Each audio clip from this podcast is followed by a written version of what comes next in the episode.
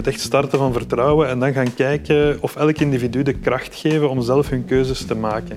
Dat is best wel, best wel beangstigend voor de meeste bedrijven, maar het is waar we door moeten als we dit willen doen slagen. Het is belangrijk om ook, laten we zeggen, de voordelen eruit te halen van dat thuiswerken, dat je de condities ook creëert. En dan is dat inderdaad een soort budget dat kan voorzien worden, waarom niet? U luistert naar de HR Magazine podcast. Een bekende journalist interviewt twee experts over een actueel HR-thema. Ze geven hun visie op de toekomst. Uw gastvrouw is Lisbeth Inbo. Welkom bij een gloednieuwe Studio HR. Onze werkplek is deze studio, maar we gaan het vandaag hebben over uw werkplek of wat misschien een mogelijke werkplek zou kunnen zijn. We gaan het namelijk hebben over de relatie tussen working at the office of working from home. Iets wat we allemaal door corona massaal zijn gaan doen. Twee mensen daarvoor hier bij mij die daar veel meer over weten. Koen van Beneten, eh, managing director voor HP België en Luxemburg. En Eva de Winter, organisatiepsycholoog en consultant. Koen, ik ga bij jou beginnen. Jouw werkplek, hoe ziet die eruit? Wel, dat verschilt van dag tot dag. Ik heb een heel gevarieerde job. Ik ga veel naar klanten, ik ga veel naar events. Ik ben ook heel veel met de mensen bezig, heel veel in, in overleg. En ik kies elke dag op basis van de dingen die op de agenda staan waar ik werk. In, in de praktijk wil dat zeggen dat ik de helft van de tijd ongeveer van thuis werk. En de andere helft is ofwel op kantoor ofwel op locatie, afhankelijk van wat er die dag op de agenda staat. En dat geldt voor de meeste mensen die bij jou werken? Dat is heel afhankelijk van hun eigen agenda. Ehm, de meeste mensen hebben een gelijkaardig profiel en zullen dus gelijkaardige keuzes maken. Maar je hebt ook, ook echt focuswerkers die de hele dag vooral achter die pc zitten en die dan misschien wat vaker van thuis zullen werken of van het kantoor als ze dat liever hebben. Ja. Is dat door corona dat dat nu bij jullie zo loopt? Corona heeft zeker een impact gehad, maar we werken eigenlijk al van thuis van in de jaren 60. Dus daar is bij ons nooit een taboe Heel hard op geweest. voor wij het over hybride werken zelfs maar hadden, waren jullie het al aan het doen. Absoluut, absoluut. We zijn een bedrijf dat altijd heel sterk heeft ingezet op vertrouwen in de werknemers. Dus daar nooit een taboe rond heeft gehad. En dat heeft ons zeker altijd geholpen om mensen zoveel mogelijk zelf te laten kiezen waar kan ik productief zijn. En mensen deden dat dan ook? Wel, corona heeft een invloed gehad. Mensen deden dat, maar er was toch hier en daar een gewoonte van ik ga pakweg vier keer per week naar het kantoor, wat nu zeker afgenomen is. Wat nu toch meer 50-50 zal zijn. Inderdaad, hè, men zegt uh, het, het, nieuwe normaal. Door corona, is dat zo? Is hybride werken het nieuwe normaal? Maar wat je natuurlijk ziet, is dat het inderdaad normaler is geworden. Hè. Uh, als je kijkt naar voor uh, de coronapandemie, waren er heel veel bedrijven die dat nog niet deden. Hè. En eigenlijk door de pandemie genoodzaakt zijn geweest, uiteraard, om uh, zo goed als alle mensen te laten thuiswerken. Ja. Um, en wat je dan ziet, is dat het nu een stuk naar een meer normalisering komt. Uh, en dat er eigenlijk veel meer bedrijven effectief zijn die het nu gaan toepassen in vergelijking met voor ja. de coronapandemie. Dus nu heb je eigenlijk wel. meer bedrijven die hybride werken dan Klopt. niet hybride absoluut. Ja, absoluut. Wat is er nu zo geweldig aan hybride werken? Uh, geweldig. Ik denk uh, wat je vooral ziet is dat het effectief een invloed heeft op um, ja, de medewerkers. Hè. Enerzijds als je kijkt naar tevredenheid van mensen, zie je effectief dat dat toch wel positieve invloed heeft. Ook het welzijn, omdat mensen veel meer kunnen balanceren, stuk tussen werk en privé. Ze verliezen veel minder tijd ook, uiteraard, als ze kunnen thuiswerken in, in, in de wagen. Hè. Dus dat is ook... Anderzijds wil je dan wel zeggen dat thuiswerken, dat, dat heeft geen einde en geen begin. Absoluut. Ja. Of geen begin en geen einde. Ja, dat is inderdaad ook een van de risico's. Hè. Uh, en dat hebben we ook effectief gezien tijdens um, ja, de coronapandemie. Dat mensen heel moeilijk hadden, of sommige mensen het moeilijk ja. hadden, om daar ja, het verschil uh, te maken nog tussen effectief wat is nu thuis en wat is mijn werkplek. Uh, omdat het natuurlijk allemaal samenvalt. Ja. Um, dus dat is een risico en dat zie je ook, dat er individuele verschillen in zijn. De ene persoon kan dat veel makkelijker, dat onderscheid gaan behouden. En andere mensen um, ja, hebben het veel moeilijker om daar die, die grens te gaan bewaken. En dat is absoluut iets ook waar bedrijven aandachtig moeten voor zijn. Soms lees je wel eens, het is een manier om uh, inderdaad het welzijn in zijn ja. geheel beter te bewaken. En dus misschien minder kans op burn-out en dat soort dingen meer. Geloof je dat? Uit onderzoek is dat effectief wel gebleken. Hè? Dus als je kijkt naar een aantal onderzoeken die gebeurd zijn, zie je effectief dat het welzijn erop vooruit is gegaan. Dankzij de mogelijkheid om die werk-privé-balans te gaan, gaan um, in evenwicht houden. Um, Natuurlijk, als je gaat zien naar effectief wat je ook terecht zegt, hè, is, is dat het voor sommige mensen net wel een risico kan vormen. Hè. Ehm, dus het is zeker en vast iets wat je, wat je als bedrijf kan gaan gebruiken. Maar ik denk dat het belangrijk is om te onthouden, is dat hybride werken een manier is om uh, iets te gaan bereiken en niet zozeer een doel op zich. Hè. Dus dat je vooral het hybride werken moet gaan inzetten om inderdaad op termijn te kunnen werken aan duurzaam werk. Ja. Omdat er ook voor de pandemie al heel wat signalen waren hè, dat er een andere manier van organiseren nodig is. Zeker als je kijkt naar de afwezigheidscijfers, hè, de, de, langdurig zieken.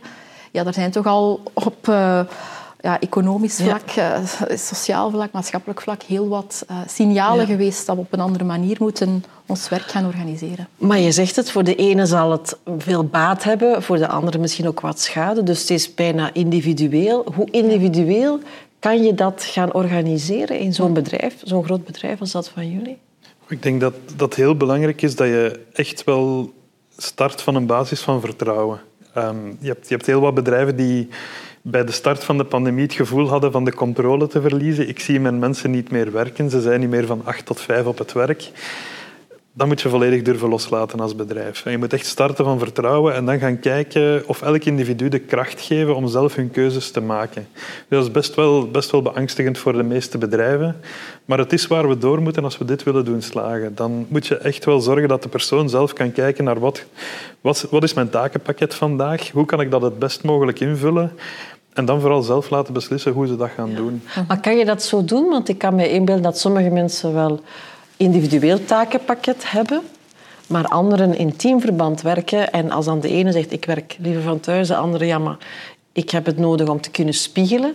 Hoe doe je dan dat bij, bij jullie? We hebben, daar, we hebben daar enerzijds behoorlijk wat ingezet op bewustwording. Dus uh, echt wel training aangeboden aan de mensen over hoe ga ik om met stress, hoe ga ik om, hoe ventileer ik mijn stress. Um, hoe werk ik samen met mensen, ook in een virtuele wereld? Dus we hebben daar echt wel ingezet op, op kennis en bewustwording. Maar daarnaast gaat het ook over goede afspraken maken. Als we een teammeeting hebben, dan, dan proberen we, kunnen we dit virtueel doen? Kan dit hybride? Kan dit face-to-face? Is het niet altijd best om een teambuilding of een teammoment om dat fysiek te hebben? Um, goh, ik denk teammeetings zou je in principe, een beetje afhankelijk van wat er moet besproken worden, op eender welke locatie denk ik kunnen doen. Maar als het gaat effectief over samenwerking en, en afstemming met elkaar en, en gaan hè, taken doen uh, op, op, op, die innovatie, innovatievragen, die creativiteit vragen, is het effectief wel beter om dat fysiek samen te gaan doen. Dus dat is denk ik wat, wat Koen ook wel een stuk zegt. Dus je moet gaan kijken naar welke taken doe je eerder op kantoor, welke taken doe je misschien even goed thuis. Um, en dat dat ook een grote uitdaging is voor um, bedrijven, teams, leidinggevenden, om die oefening ook te gaan maken. Hè. Dus meer um, kijken naar dat takenpakket, want ik hoorde daar straks ook het woord focuswerk uh, vallen bij jou, Koen. Het, ja, je kan het waarschijnlijk niet zo hard opsplitsen dat... Uh, achter je computer werken, dat doe je thuis. En, en al de rest waar je contact van hebt op het werk. Een dag zit meestal toch uit verschillende componenten. Absoluut. En daar merk je dat mensen die dag, die dag overzien en gaan redeneren in, in termen van kost en impact. Als ik dit, dit pakket aan taken vandaag heb, wat is de kost om naar het werk te gaan? Dat kost me misschien een uur. Wat is de impact van daar dan fysiek aanwezig te zijn? Hoeveel beter zal mijn meeting zijn? Dus je ziet dat er echt wel gebalanceerd wordt tussen die, die verschillende werkvormen en dat ze inderdaad in een dag heel verschillende taken hebben en dan de best mogelijke, de best gemene deler tussen die taken gaan, gaan kiezen. Ja. Maar dan blijft toch nog iets van het individu hoe pak je dat aan als je stel dat je teamleader bent of HR-manager? Mhm. Hoe pak je dat dan toch aan dat dat in het bedrijf toch nog ergens uh smooth loopt en ik niet gefrustreerd ben omdat Eva nooit naar bureau wil komen?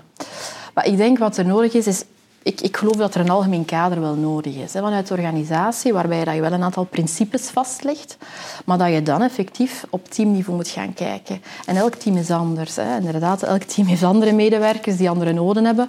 Um, maar voor mij moet je altijd nog wel dat team, uh, die teamverantwoordelijkheid daar ook gaan aanspreken. Dus dat betekent dat je inderdaad als leidinggevende moet gaan stilstaan bij oké, wat vinden wij nu belangrijk? Hoe gaan we samenwerken? Welke taken kunnen we thuis doen? Welke taken doen we, doen we eventueel op, op, op kantoor? Ehm, maar dat je daar goede afspraken rond maakt. Dus eigenlijk moet je als team opnieuw gaan stilstaan bij ja, wat, wat doen wij hier nu eigenlijk allemaal van taken? Hè? En um, hoe willen wij ook met elkaar gaan communiceren? Uh, wat vinden we daarin belangrijk?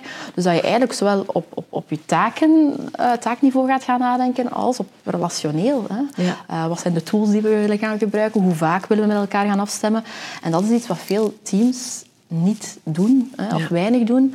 Um, en dat is ook wel zeker een, een, een, een man, hybride manier van samenwerken wel een belangrijke. Uh, Zijn er niet vaak dan, denk ik, dan de teamverantwoordelijke die dat toch ook een beetje zal sturen, afhankelijk van zijn of haar noden en karakters? Ja.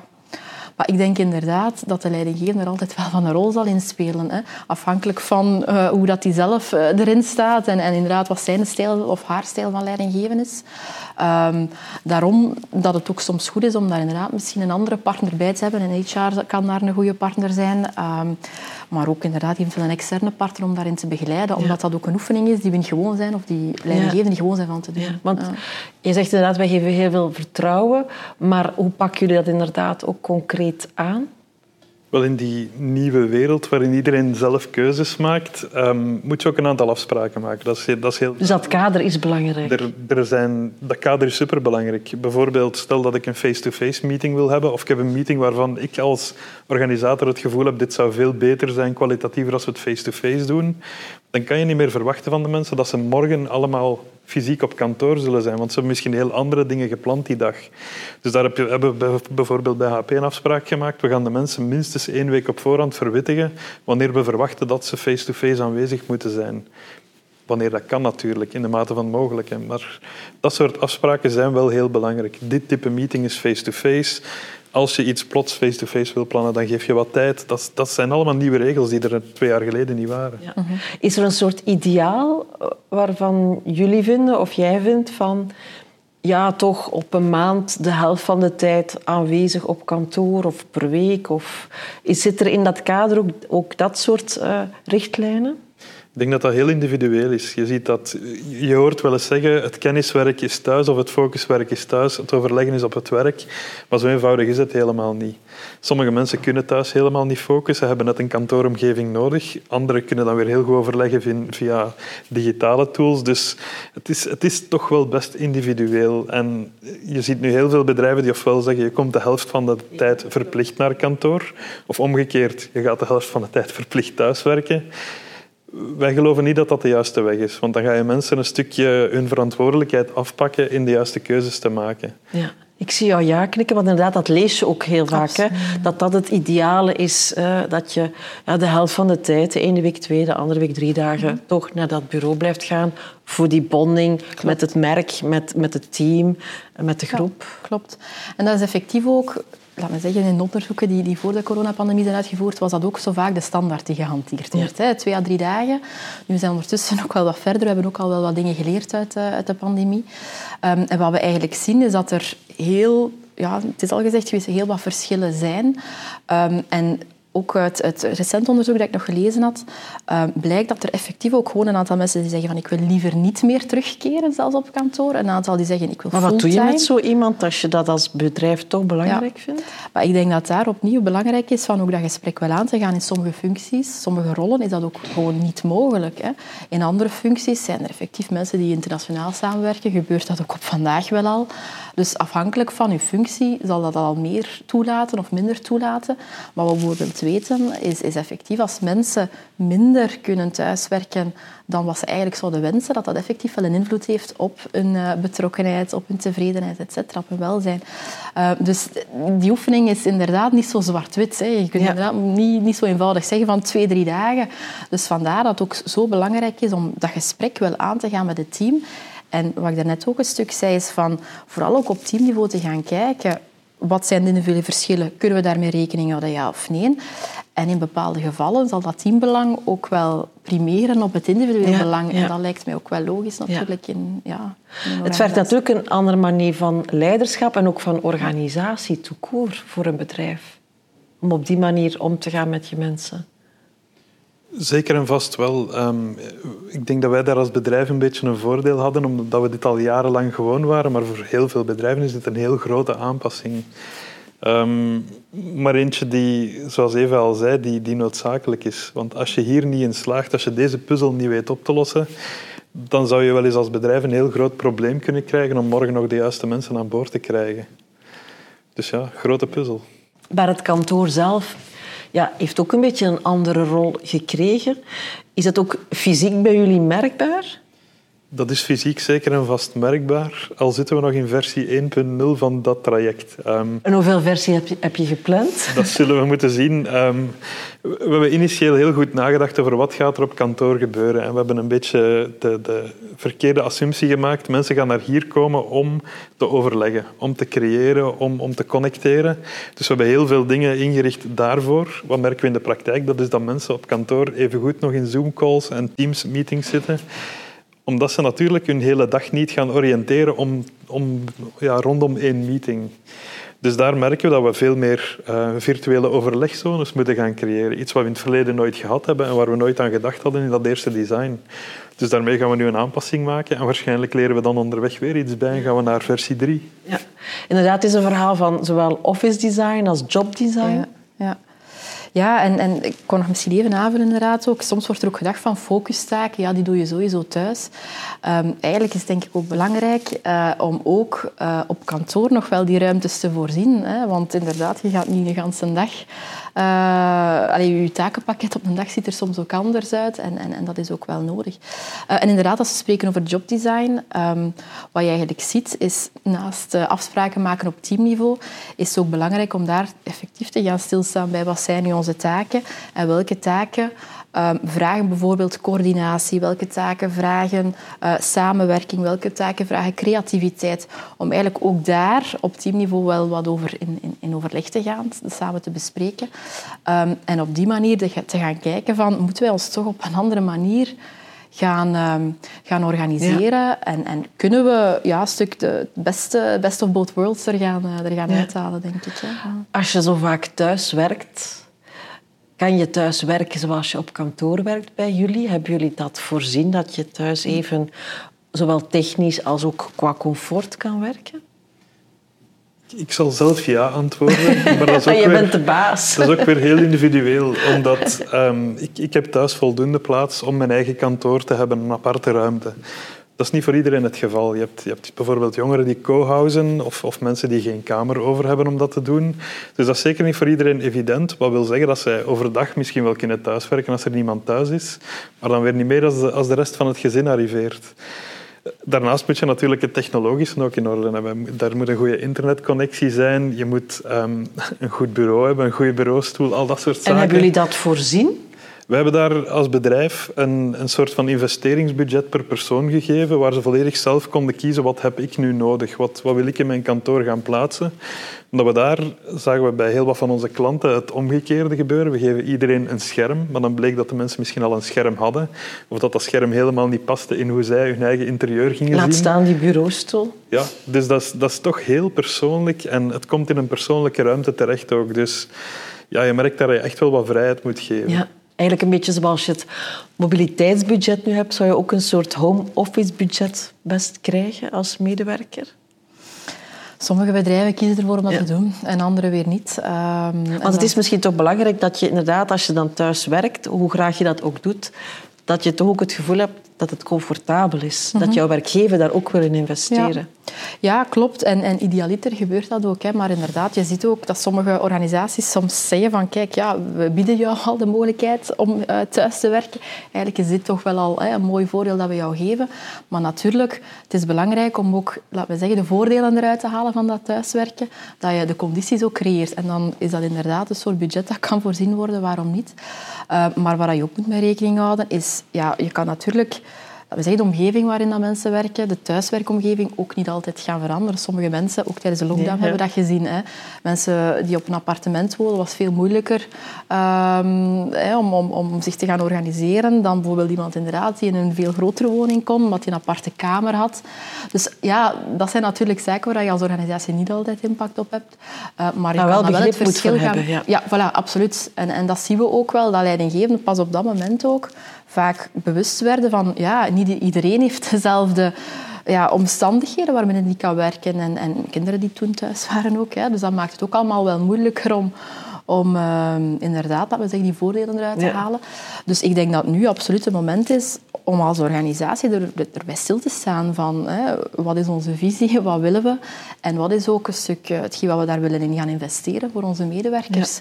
Om uiteindelijk de voordelen er wel uit te halen. Want ja, uw werkomgeving, uh, zij het dan thuis, is cruciaal natuurlijk om uh, opnieuw ja, die voordelen eruit te halen. Maar als ik jullie hoor, ook al zit je met jouw kantoor nog maar op versie 1.0, uh, het hybride werken dat is wel here to stay. Dat zullen we nooit meer wegkrijgen. Ik denk dat de, de noodzaak voor hybride werken die is er altijd geweest. Of toch de laatste tien jaar was die al aanwezig. Ik denk dat de bespreekbaarheid op veel, bij veel bedrijven misschien minder aanwezig was. Dat het nog als een gunst werd gezien om van thuis te werken. En dat we in die pandemie echt wel hebben geleerd van dit heeft voordelen. Er is een voordeel aan elk van die omgevingen. Um, het is absoluut here to stay. Wat, wat, belangrijk is, is dat dankzij die pandemie dat het echt bespreekbaar geworden is. En dat we beseffen, um, Eva werkt vandaag thuis en ze heeft daar een reden voor. Dat is niet omdat ze wil thuis zijn en de kantjes er wil aflopen vandaag. Nee. En vandaag werkte Eva ook een beetje op verplaatsing. En dat kan iedereen zien dat ze bezig was. Mag ik jullie allebei hartelijk danken voor dit inspirerend gesprek. En hopelijk ook tot de volgende Studio HR. Dag.